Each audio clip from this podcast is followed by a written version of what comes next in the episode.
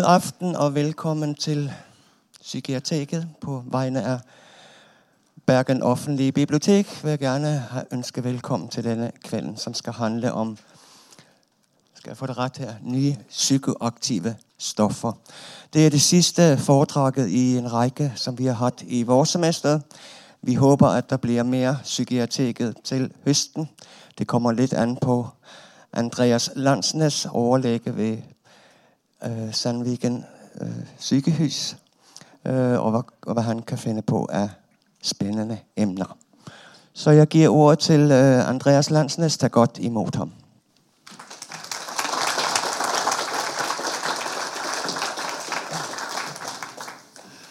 Ja, Det jeg skal snakke om nå, er nye psykoaktive stoffer. Og de blir ofte kalt for, De har forskjellige navn. Badesalt, legal heights, man kaller det for designerdrugs, man kaller det partydop, uh, research chemicals og alt mulig. Og disse nye psykoaktive stoffene er, ligner på disse gamle uh, rusmidlene man hadde. At Noen av dem er dempende og ligner på opioider. og Noen ligner på benzodiazepiner, noen er stimulerende og ligner på amfetamin og metamfetamin. Og andre er, ligner mer på sånn LSD og sånne ting som gir hallusinasjoner. Og mange av dem er en blanding av dette. Jeg må jo tilstå med en gang at jeg vet veldig lite om dette. Det er en veldig dårlig idé å holde en forelesning om noe som du kan veldig lite om. Men det er ikke så veldig mange andre som kan så mye mer, så derfor tenkte jeg kanskje like greit at jeg sier noe om dette. Her har vi, jeg vil si at Vi vet så mye om det. Den lille der kan vi, og så alt det andre kjenner vi ikke noe særlig til. Fordi dette er en ny verden, dette med disse nye psykoaktive stoffene. Det er på en måte en kopi av de vanlige illegale rusmidlene, og òg legale rusmidler som blir solgt på nettet, og som eh, er lagd for å ligne på tradisjonelle rusmidler, men som blir framstilt gjerne i India og Kina, og som man kan kjøpe på nettet og få tilsendt. Leste i avisen her i går at det var ei jente på 13 år som hadde bestilt noe greier på nettet og fått det tilsendt og levert på døren av postvesenet. Og Det var noe sånn syntetisk cannabis som var nokså farlig. Og Beslagene av dette her øker jo fra år til år. Det kommer vi tilbake igjen til. De gamle psykoaktive stoffene, rusmidler, det man kalte narkotika, da måtte du ha direkte kontakt med en eller annen skummel fyr som ga deg en liten pakke med noe i som du ikke helt visste hva var for noe, så måtte du gi han penger for dette her. Og Da, måtte du være direkte i kontakt med et kriminelt miljø. Så da var det en viss terskel for å kjøpe disse rusmidlene. Men nå er den terskelen vekke. Da kan du kjøpe alt dette på nettet. Man bruker til og med sånn bitcoin og man bruker sånn eh, nett hvor man ikke kan bli spora. Før så heter det Silk Road, som man brukte. Det kan jeg drive reklame for fordi det er stengt ned. Jeg har ikke tenkt å informere dere om hvordan dere skal handle på nettet. Jeg vil bare informere om dette her. Eh, så du kan handle på nettet, på det man kaller dark net, der man ikke kan spores på. Man kan betale med bitcoins og andre tilsvarende ting som man ikke kan bli spora. Det er måten du kjøper det på, og så er det postvesenet som leverer det på døren. De er veldig greie, de kommer og leverer det på døren din. Og Det passerer jo stort sett gjennom tollen, fordi dette lukter ikke noe særlig. Og det tar veldig liten plass. Det er som regel pulver eller det er tilsatt papir og sånt forskjellig. Så det er vanskelig å spore opp dette her. Og De tradisjonelle rusmidlene var jo heroin, opiater og benzo. Og amfetamin, metamfin ecstasy. Og hallusogene LSD var ikke så mange som brukte egentlig. Og så har du cannabis som er en mellom.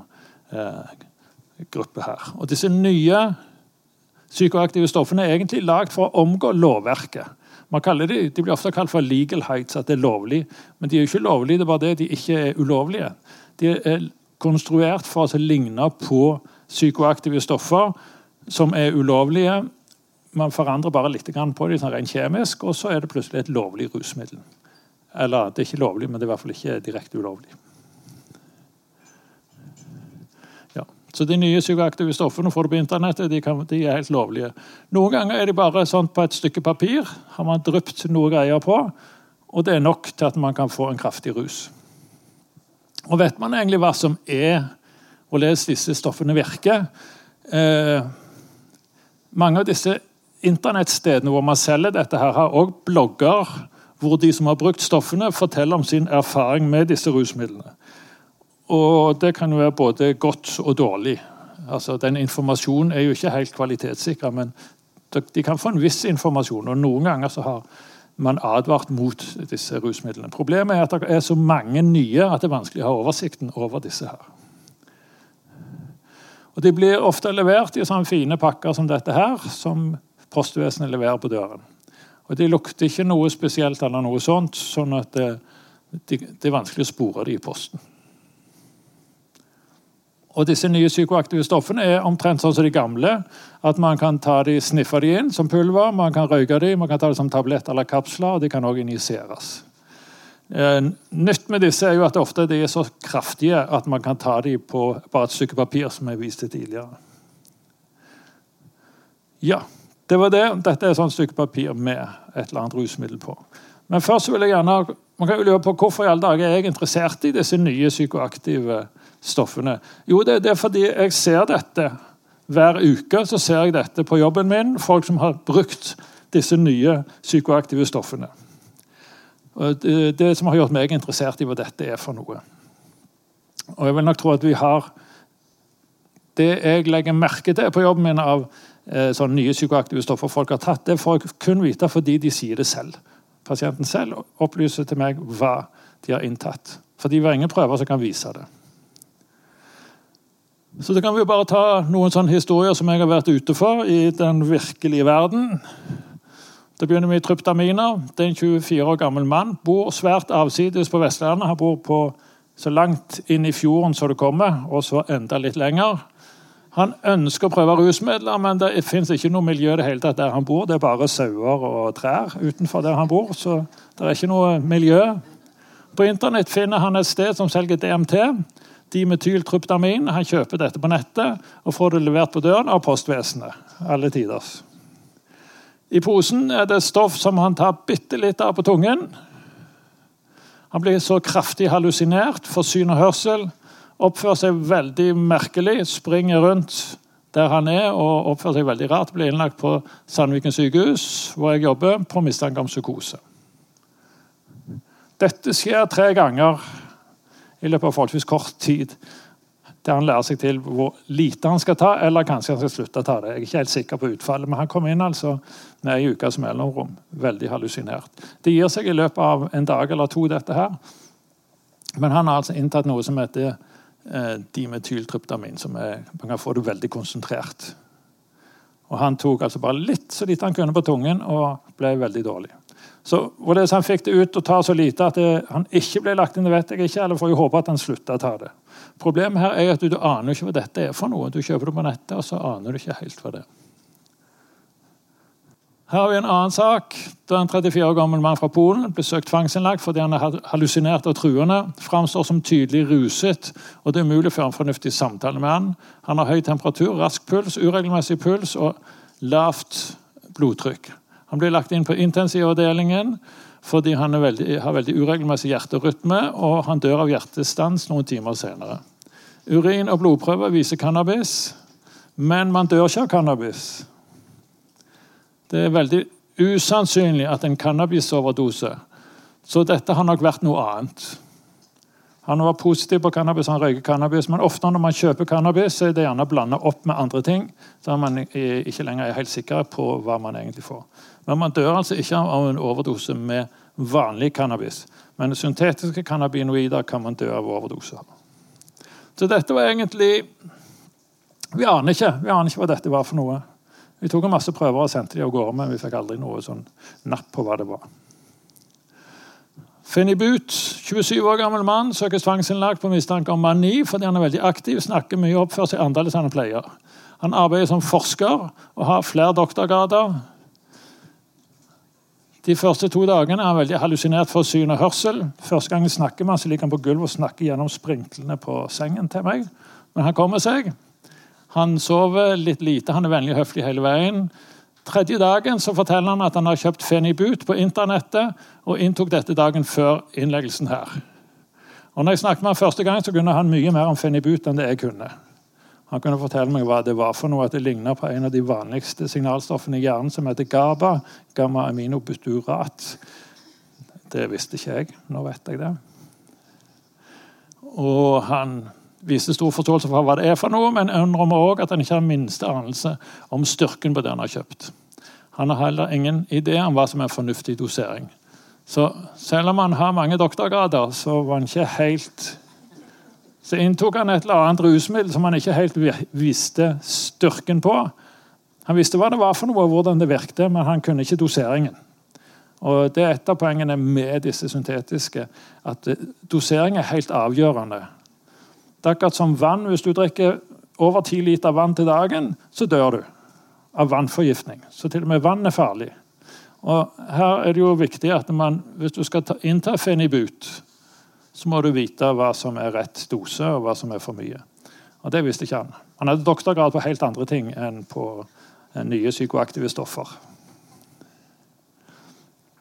Og Her har vi en som ble lagt inn hos oss i forrige uke. 19 år gammel gutt hadde kjøpt noe på nettet som skulle virke som LSD. Eller Han var litt usikker på om det var LSD eller om det bare skulle virke som LSD. Etter å ha inntatt stoffet i form av et lite stykke papir sammen med noen venner som ikke brukte det, blir han engstelig fordi han hører djevelen og ser mye død og fordrevelse, blir overbevist om at han er i ferd med å dø og blir svært urolig. Han bringes til legevakten og søkes tvangslagt på lukket psykiatrisk avdeling under diagnosen psykose med utagerende atferd. I løpet av et døgn blir han rolig, hallusinasjonene med tilhørende vrangforestillinger forsvinner. Han beskriver dette som en bad trip. Han hadde forventa å bli lykkelig. Så Der har vi jo litt dårlig varedeklarasjon. Når du inntar dette, her, hva regner du med? Hva skjer når du inntar dette her som er som LSD? Du må jo i hvert fall regne med å bli hallusinert. Det er jo det. Han hadde forventa å bli lykkelig, han her. Det var det han hadde trodd han skulle bli. Men det, det ble han ikke. Men igjen, så hadde han lest om dette her. Når jeg snakket med han, så hadde han lest om dette på det stedet hvor han kjøpte dette. og Da var det mange som la fram at de hadde blitt lykkelig og hatt en veldig fin opplevelse på dette rusmiddelet. Men det ble ikke han. Og så kan man lure på Hvem er det som regulerer den informasjonen som kommer fram på, av brukerne? Men de har, de har et sånn brukerforum, så de har en viss de snakker litt om hvorledes dette virker. Jeg vil ikke akkurat si det er kvalitetskontroll, men det er en viss, det er kanskje en begynnelse på det. Og Her har vi fra Bergens Tidende 29.4, forrige uke en gang. Flere russ ble innlagt på sykehus. Uklart hva de hadde fått i seg. Det er all grunn for russene å være ekstra påpasselige hva de inntar, advarer Haukeland sykehus. Politiet gikk mandag ut og advarte mot at metanonholdig drikke kunne være i omløp i Bergen. Det er den fantasien politiet har.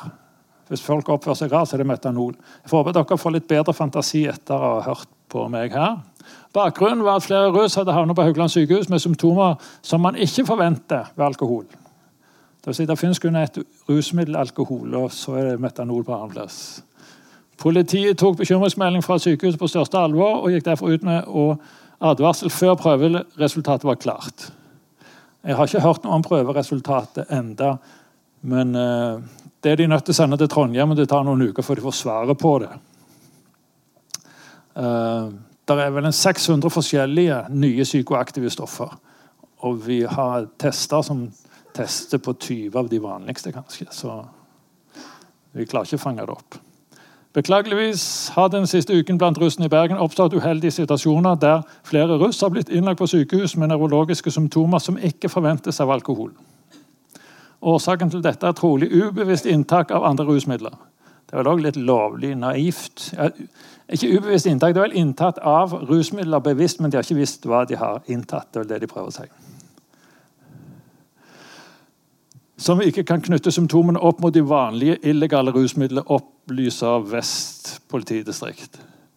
Grunnen til at jeg har klippet den ut, er fordi da ringte det en bjelle hos meg. i hvert fall. Kan dette være et av disse nye greiene som vi skal høre om i dag. Ja. De selges som markedsfører på nettet, egne fora som jeg har vært inne på, og blogger. Og de ligner kjemiske rusmidler som amfetamin, heroin, benzo og hasj. og De er konstruert for å ligne disse her.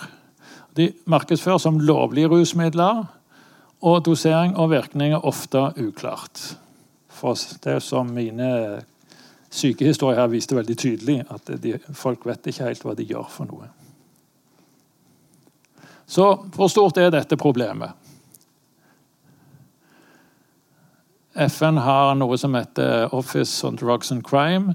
og De sier at, at det de beslaglegger totalt sett, dette på verdensbasis, det er de som er stimulerende, og syntetiske cannabinoider over, utgjør over halvparten.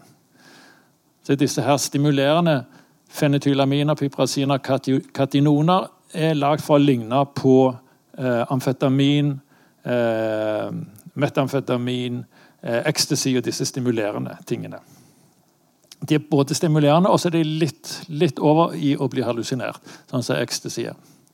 Syntetiske cannabinoider de ligner på cannabis, men rent kjemisk sett så ligner de ikke på cannabis. De, bare, de, virker på den samme reseptoren i hjernen, men rent kjemisk så er de veldig forskjellige. Eh, ved naturlig, naturlig cannabis kan man ikke ta en overdose. Fordi virkestoffet i cannabis, tetrahydrocannabinol, det binder seg bare delvis til reseptoren i hjernen. Sånn at det, du får en metning, sånn at du ikke dør av overdose cannabis. Men disse nye cannabinoidene går det an å dø av en overdose av. Og det er mange andre veldig uheldige bivirkninger av dem. Og så har man tryptaminer, sånn som han innerst i fjorden tok, som er rent eh, hallusinogent. Opioider, som ikke er så veldig stor del av de beslagene man har gjort. Men eh, det er mange syntetiske opioider som er eh, 100 og 1000 ganger sterkere enn heroin. Og de som selger heroin, de tar ofte og blander dette inn i heroinet de selger. Da får du plutselig heroin som er dobbelt så sterkt eller 100 ganger så sterkt som det skulle være. Og Da får du veldig mange overdoser. Det merker man her i Bergen òg. Når man får eh, heroin som er iblandet eh, fentanyl spesielt. Eh, det, blir fremst, det kommer vi tilbake igjen til, men fentanyl-overdoser at folk dør av fentanyloverdoser, er et økende problem. Folk tror de får heroin, men så får de egentlig fentanyl som er mye sterkere. Og mye billigere. Så det er et økende problem. Ja, Så har vi alle disse her forskjellige tingene. Og så ser vi her på verden hvorledes hvilke antall substanser, forskjellige av disse nye psykoaktive stoffene, man har registrert. Hvis vi ser på oss, så vi, er vi der. Så I Norge så har vi registrert mellom 200 og 300 nye psykoaktive stoffer. Bare i løpet av de siste ti årene. Så det er stor mengde med nye stoffer. Mange av disse nye psykoaktive stoffene ser man bare en kort periode, og så er de vekke. De eneste som er bedre enn oss, er Sverige, Finland, England Hva det er for noe? Øst-Tyskland, Canada, USA. Og her har vi i EU nye psykoaktive stoffer som blir registrert per år. Det har økt veldig på. Dette er, ikke, dette er bare en antall nye som blir registrert hvert år. Altså Her på toppen i 2014 så ble det registrert 101 nye psykoaktive stoffer. Dette har ingenting med mengde å gjøre, bare antall nye psykoaktive stoffer. Så Totalt sett her så ender man opp med et tall på 200, nei, 6, over 600 nye psykoaktive stoffer er registrert her bare siden 2005 og fram til nå. At tallet går nedover her, betyr bare at det er færre nye psykoaktive stoffer som blir registrert. Det sier ingenting om mengden, det bare sier noe at det er ikke så mange nye forskjellige. Men her har vi altså i løpet av de siste ti årene fått 600 nye psykoaktive stoffer. Det, veldig, det, blir helt umulig å holde oversikt over for oss som prøver å finne ut av hva folk har brukt for noe av rusmidler. Og igjen så er det syntetiske cannabinoider som dominerer. Og katinoner, som er de som ligner på amfetamin, metamfetamin og ecstasy. Mens alle de andre blir sånn mange forskjellige grupper. Og det er egentlig opioider her som er den viktigste, siden det gir eh, flere eh, dødsfall pga. overdose. Det er veldig farlig antall beslag i EU. Og når det gjelder beslag av nye psykoaktive rusmidler, så ser vi her det er cannabinoider, syntetiske cannabinoider som dominerer, og katinoner. Så blir alle de andre blir sånn forskjellige. Og, og, antall beslag har økt opp ganske kraftig siden 2005. Der går tallet ikke så langt. Hvis vi ser antall beslag av nye psykoaktive stoffer i Norge fra 1994 til 2017, så ser vi òg at her var det stort sett ukjent i år 2000, og så har det tatt av her. Så de siste ti årene har vi fått registrert voldsomt mange nye. Ja, dette er antall beslag. Det, det, jo, det, Antall beslag passer jo med antall nye psykoaktive stoffer. sånn litt tilfeldig. Men her er det antall beslag som har økt voldsomt. Om det er fordi det har gått ned, er det fordi de er flinkere til å få de inn i landet, eller er det eller eh, tollvesenet som er dårligere til å finne i? Det er vel litt uklart. Dette er tall vi har fra Kripos. Og De største gruppene igjen det er cannabinoider, det er disse nederste her. Katinoner, det er de gule.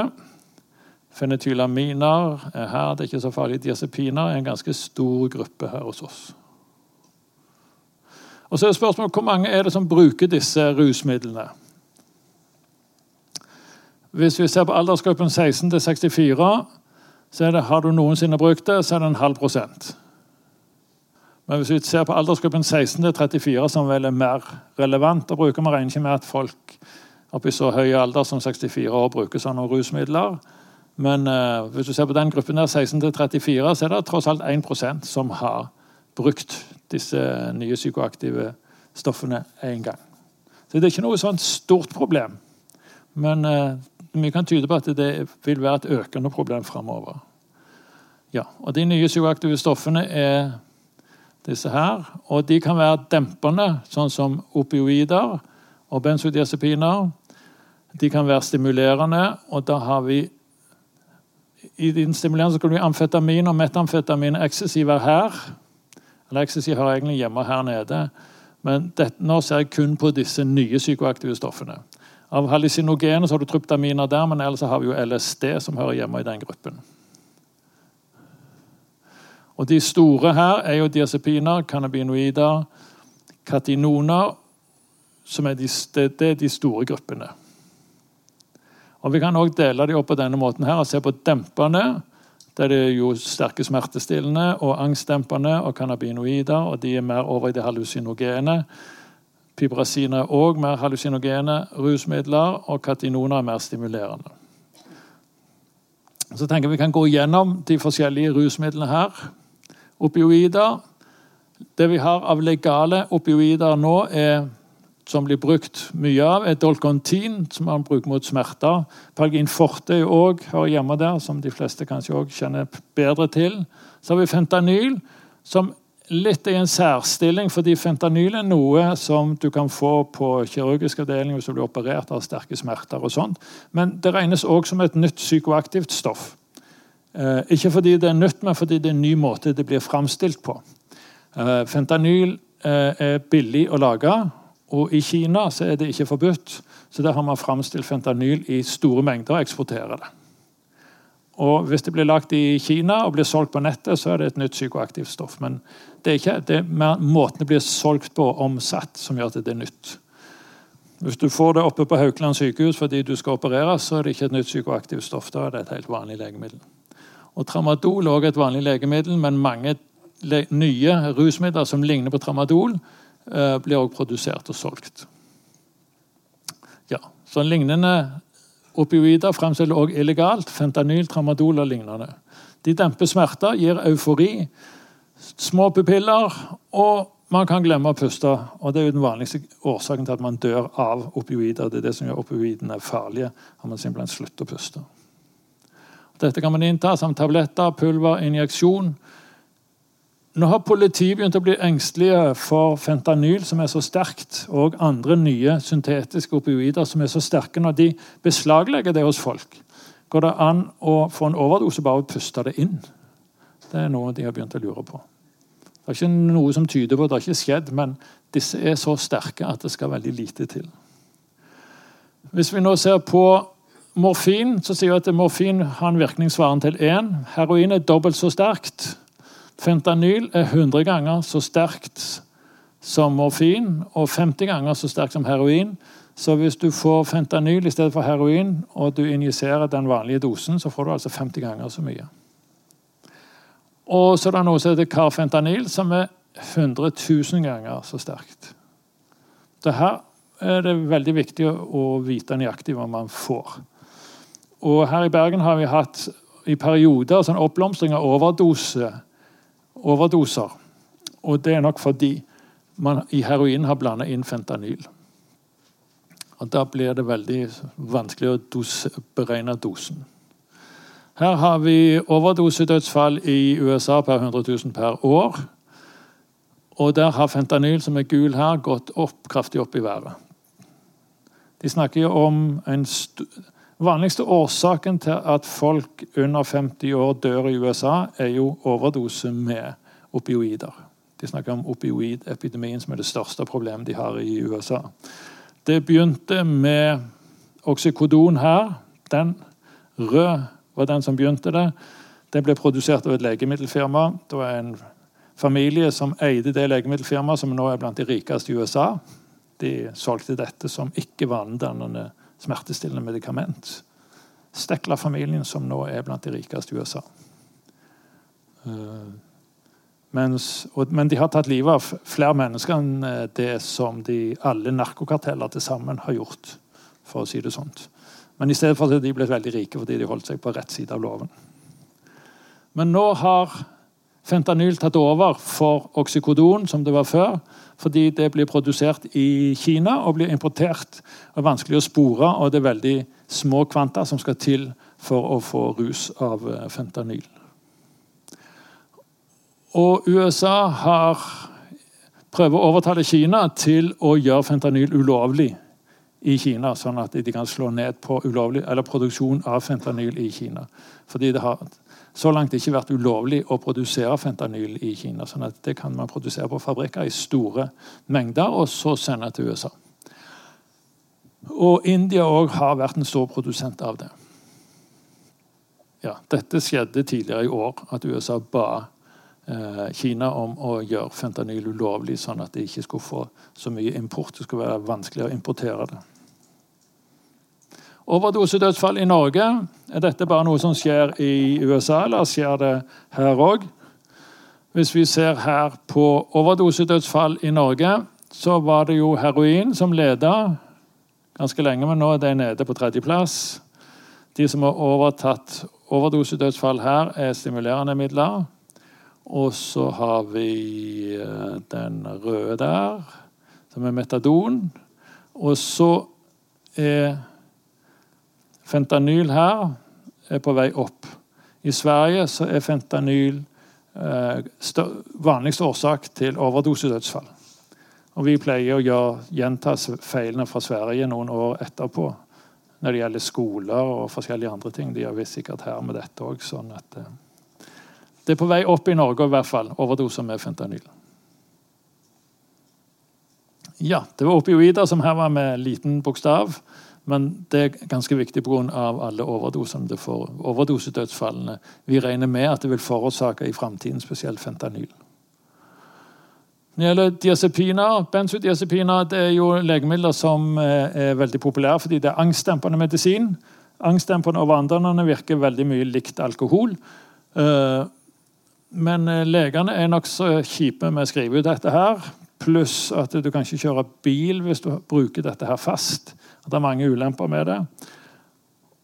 Du kan, men du kan kjøpe det på nettet. Da heter det Research Chemicals, Not for Human Consumption og Designer Benzos. Det er ofte det det blir kalt. De har forskjellige navn. Alle benzodiazepiner slutter på AM. Gjerne PAM. Og de finnes i form av pulver, tabletter, kapsler, blotte papir, altså bare på et stykke papir, og til injeksjon. Um, man har over veldig lang tid fått noe som heter klonazepam, som for så vidt er et gammelt benzodiazepin som man får importert fra Øst-Europa. Men uh, de, blir, de, blir, importert og solgt på samme måte som tradisjonelle uh, illegale rusmidler. Dette er noe annet. Dette er designer-benzos de er spesielt lagd for, for, et annet navn, sånn at man ikke kan si at de er for, forbudt. De er ofte mye sterkere enn vanlige benzodiazepiner òg. De virker angstdempende, avslappende og kan ofte gi hukommelsestap. Ja. Overdosefar. Det er liten overdosefare med diazepiner. Benzodiazepiner er veldig trygge legemidler, men hvis du kombinerer dem med andre ting, så som alkohol eller med sterke smertestillende, så er det fort gjort å ta en overdose av disse og, og dø. Så du kan si diazepiner på samme måte som cannabis så er det veldig lite farlig i seg selv. Hvis du kun tar det, så er det veldig vanskelig å dø av en overdose. Men hvis du kombinerer det med andre ting, så er det veldig stor fare for å dø av en overdose. Ja, det var det. Og så cannabinoider. De syntetiske cannabinoidene skal vi snakke om her. Vanlig, tradisjonell cannabis inneholder THC, tetrahydrocannabinol. Og Det har vi kjent til siden 60-tallet, og vi vet veldig godt hvordan dette virker. Det virker på bestemte reseptorer i hjernen.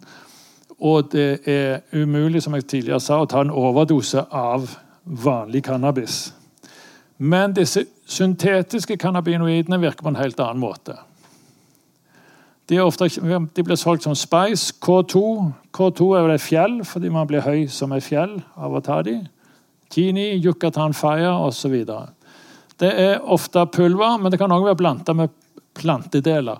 Og Man kan òg ofte finne at man tilsetter syntetiske cannabinoider til det som blir solgt som hasj, eller man får det tilsendt som eh, som cannabis, altså som plantedeler, hvor man har spraya på disse her eh, syntetiske cannabinoidene. Effekten av disse her ligner veldig mye på det man får av cannabis. Man blir avslappa, lattermild, får røde øyne, store pupiller, rask puls økt blodtrykk. Disse binder seg mye sterkere til reseptorene i hjernen enn det som eh, naturlig cannabis gjør, altså THC.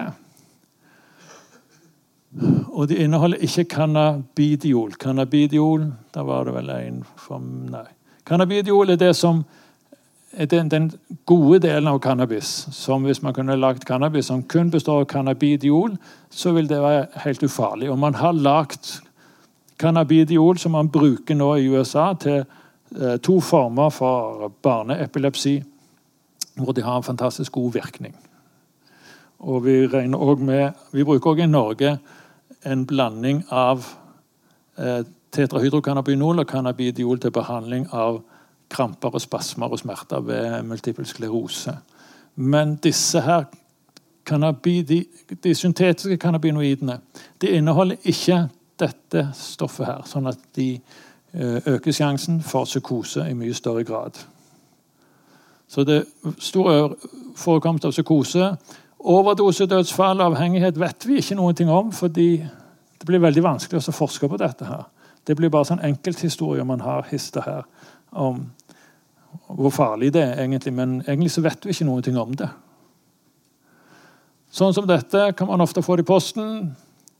Da er det plantedeler som er tilsatt disse syntetiske cannabinoidene. Det fins 100 forskjellige syntetiske cannabinoider, så vi går ikke inn på hva det er for noe. Men her er det bare det de vi kan teste i urinen i Norge i dag. Og Det var 1, 2, 3, 4, 5, 6, 7, 8. Forkortelsene er navnet på de kjemikerne som har lagd disse stoffene. Ja, da var vi kommet til tryptaminer. Tryptaminer det fins lett tilgjengelig i Norge, i fjellheimen i Norge. Det heter fleinsopp. Det er noen som sier 'forby hallusinogener', 'forby naturen å gro'. Er det ikke det de sier? Men fleinsopp det er ikke så lett å finne den. Jeg har en pasient som gikk i skogen og så spiste en masse sopp. og Han endte opp med å få nyresvikt og alt sånt fordi han spiste litt feil sopp. Det er, en veldig risikosport som ikke anbefales. Men i hvert fall fleinsopp inneholder tryptaminer. Og Tryptaminer er jo interessante kjemikalier. Vi har mye av det i kroppen vår. Melatonin, serotonin og sumatriptan. Sumatriptan er det man bruker til å behandle migrene med. Så det er tryptaminer som er gode greier òg. Og så har du DMT, DMT, dimetyltryptamin. Det var han som bodde blant sauene og trærne. Han fikk dette, og det var ikke så lurt. Det ligner på LSD. Og så kan man også kalle det for magic mushrooms. Men det kommer nok ikke til å bli så populært med tryptaminer, egentlig, fordi det, du blir bare skrekkelig hallusinert av det. Så vi regner ikke med at det kommer til å ta av noe særlig. Folk vil ha rusmidler som er gøy. Folk, rusmidler hvor man blir i godt humør og oppstemt og aktiv. og alt sånt. Ja, og Tryptamin blir pulverpapir. Man blir hallusinert og noe stimulert. Agitert atferd. Det er registrert hjerterytmeforstyrrelser. Og som LSD så man også, kan få flashbacks når man har brukt det. Da er vi over på piperasina, den minste gruppen av NPS. Det er, veldig, det er ikke så mange av de som blir beslaglagt. De blir kalt for herbal ecstasy, eller legal ecstasy. Det er jo ikke så veldig lovlig, de heller, men det er bare fordi man ikke har nådd å gjøre de ulovlige. Sentralsimulerende og hallusinogene de tilhører den gruppen som vi regner med vil bli populær. altså At Det skal være sentralstimulerende, at det skal virke litt så som eh, amfetamin, metamfetamin og ecstasy. Ecstasy virker jo både sentralstimulerende og litt over i det hallusinogene. Så dette ligner jo litt på det. De selges som tabletter med logo, akkurat som ecstasy selges. Og så er vi over på fenetylaminer. Gamle fenetylaminer er jo sånn som amfetamin, metamfetamin, dexamfetamin, ecstasy. Ecstasy er en forkortelse fra MDMA, hvor den siste M-en og A-en står for metamfetamin. Så ecstasy er jo òg et sånt et eh, metamfetamin. Over 100 nye fentylaminer de virker som LSD, og, men de er òg stimulerende. Og Det er ganske mange dødsfall knytta til fenetylaminer. Og Det er en veldig berømt bok som heter Pikal, som er skrevet av en kjemiker som heter Alexander Sjulgin. Han eh, framstilte veldig mange av disse her fenetylaminene. Og Pikal det betyr fenetylamins I have known and loved'.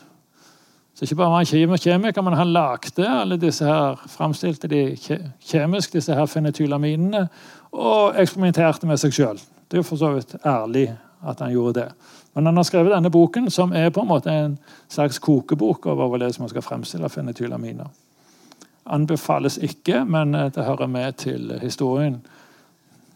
Og så er vi over i den store gruppen som kanskje er den aller største, og kommer til å bli den aller største gruppen av uh, nye psykoaktive stoffer, nemlig katinoner. De virker mest av alt stimulerende og så litt hallusinogent. Så det er sånn, De er imellom å være simulerende og hallusinogen. Så de virker, har en virkning som ikke er helt ulikt ecstasy og amfetamin og kokain og disse rusmidlene. Katinon de kommer av kattplanten, som ser ut sånn som dette her. Her har vi en stolt eier av to buketter, tre buketter med katt. Og du kan se at Han kommer fra Etiopia. Det står der. Det passer veldig fint med utbredelsen av kattplanten òg. Det er i Tanzania, Kenya, Somalia, Etiopia, Jemen og her den vokser. Og Vi har hatt et problem med innvandrere fra den delen av verden. At de har denne vanen at de går rundt og tygger på disse kattplantene.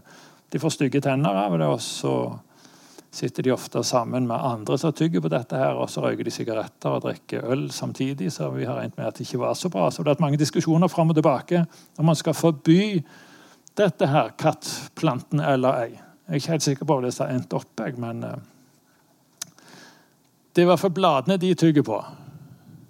Og hvis vi ser på skade og avhengighet, så ligger katt ganske langt nede her. du kan bli avhengig av det, det er det ingen tvil om.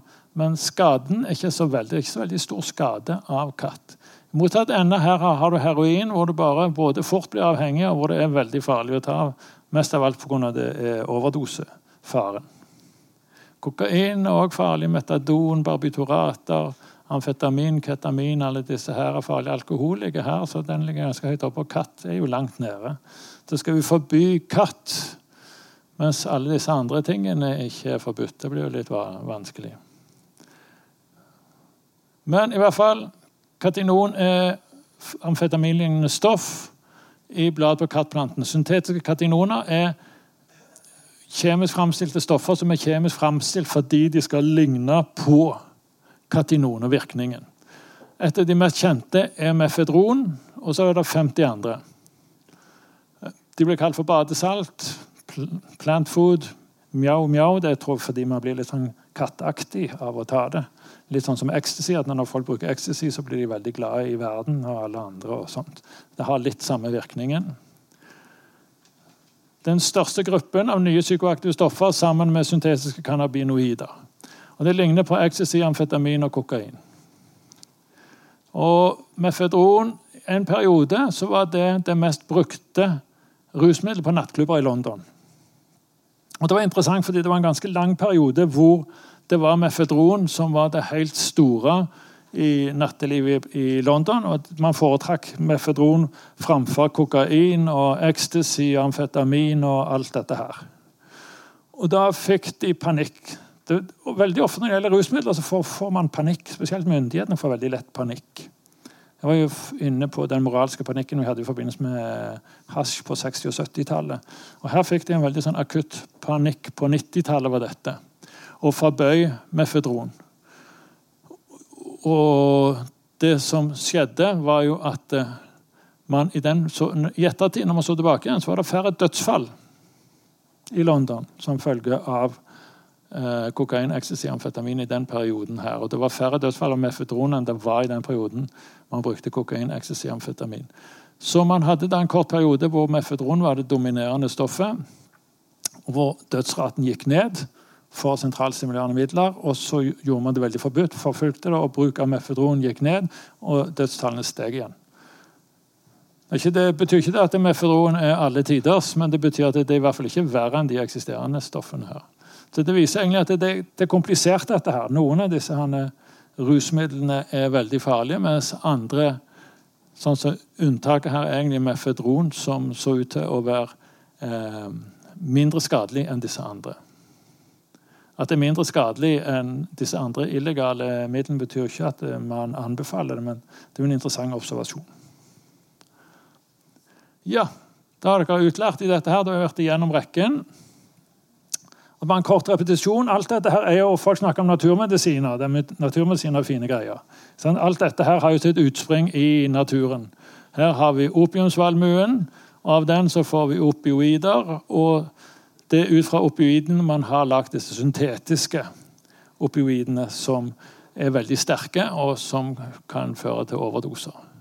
Cannabinoidene har jo sin inspirasjon fra cannabis. De ligner ikke kjemisk på tetrahydrocannabinol i det hele tatt. De er helt annerledes, men virkning, den subjektive virkningen er ganske lik. Og så har vi tryptaminer, som òg fins i naturen. Og katinoner er jo òg fra kattplanten.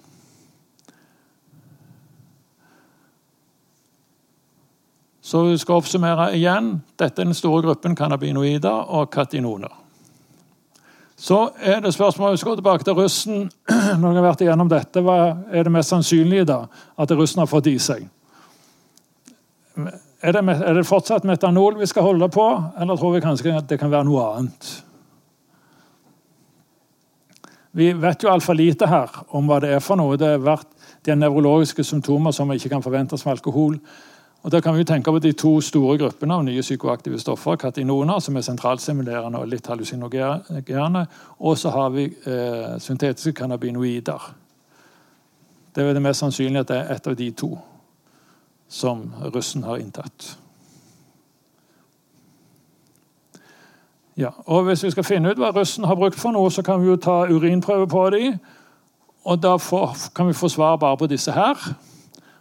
Hva var det jeg sa? Én, to, tre, fire, fem, seks, syv, åtte. Åtte forskjellige syntetiske cannabinoider. Åtte av ca. 100 forskjellige som man kjenner til. Så var sjansen for at vi får napp, ganske liten. Og så har vi òg denne her aller største prøven vi må sende til eh, Trondheim for å få svar på. Og der har vi 1, 2, 3, 4, 5, 6, 7, 8 La oss si vi har en 30 her. 30 av 600. Hvor stor sjanse for at vi treffer? Det er jo for napp på noen av de der.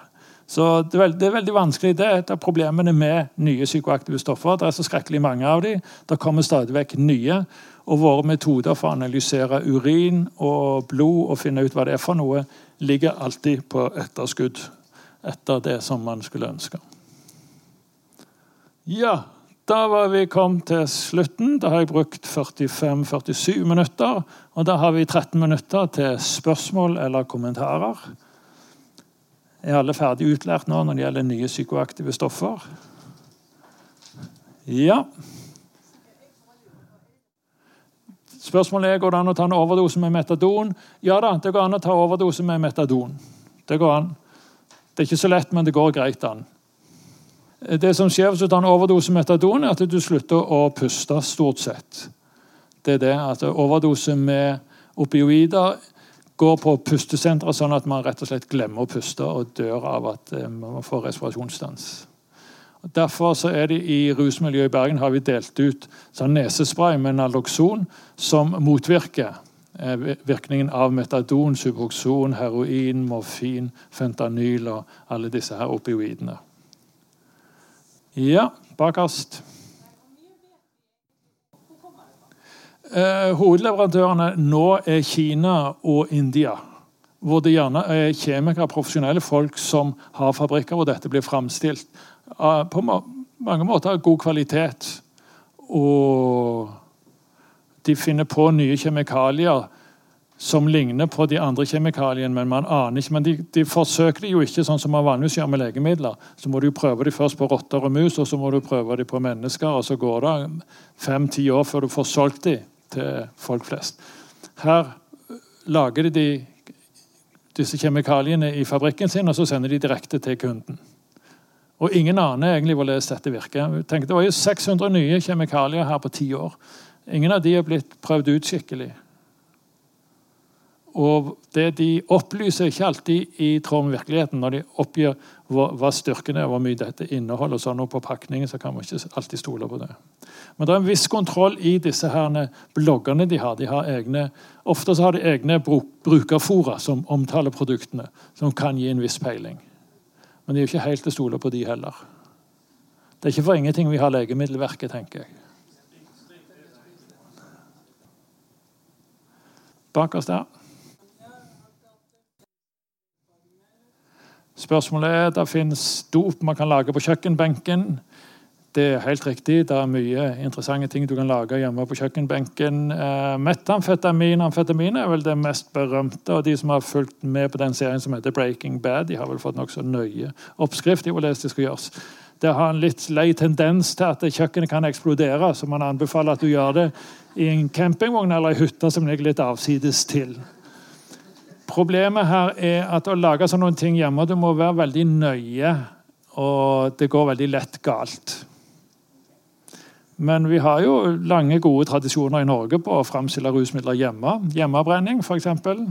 Lange, stolte tradisjoner. Det er jo veldig enkelt, men uh, til og med der er det Jeg har aldri smakt hjemmebrent jeg kunne drikke. Det hadde vært så dårlig alt sammen. At, uh, men det går an, det går an, men det er, det er ikke så enkelt. Det er jo spørsmålet Hva skal vi nå gjøre videre framover med disse nye psykoaktive stoffene?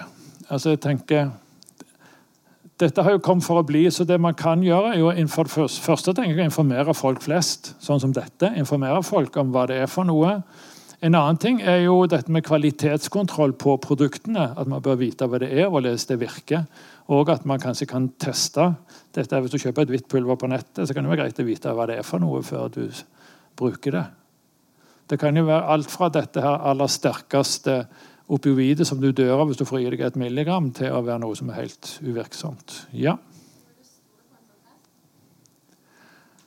Jeg tenker Det offentlige burde eh, gjøre sånn som man gjør i Nederland. At du kan gå på noen bestemte apoteker og levere inn det hvite pulveret ditt, og så få det testa. Hva er dette for noe? Uten at politiet kommer og tar deg. Men du kan få testa hva det er for noe. Fordi Når du kjøper dette på nettet, så har du i prinsippet ingen peiling på hva dette er for noe. Det kan være fentanyl som eh, du dør av med å bare ta noen få milligram, til at det kan være hvetemel eller potetmel eller andre ting som er uten virkning. Så hovedproblemet er at du aner ikke hva dette er for noe.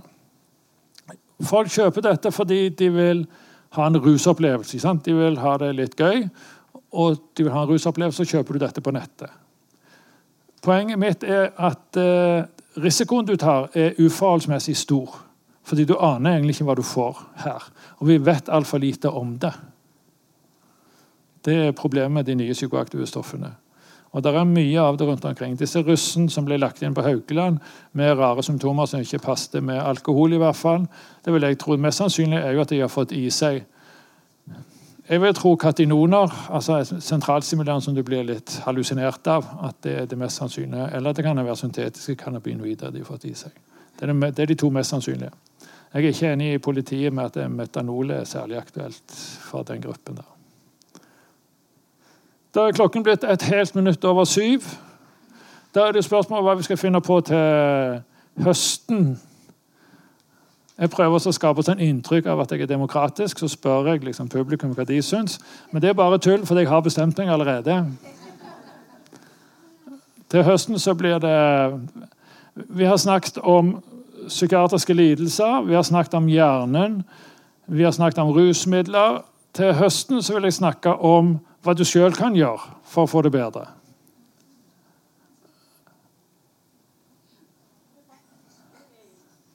Ikke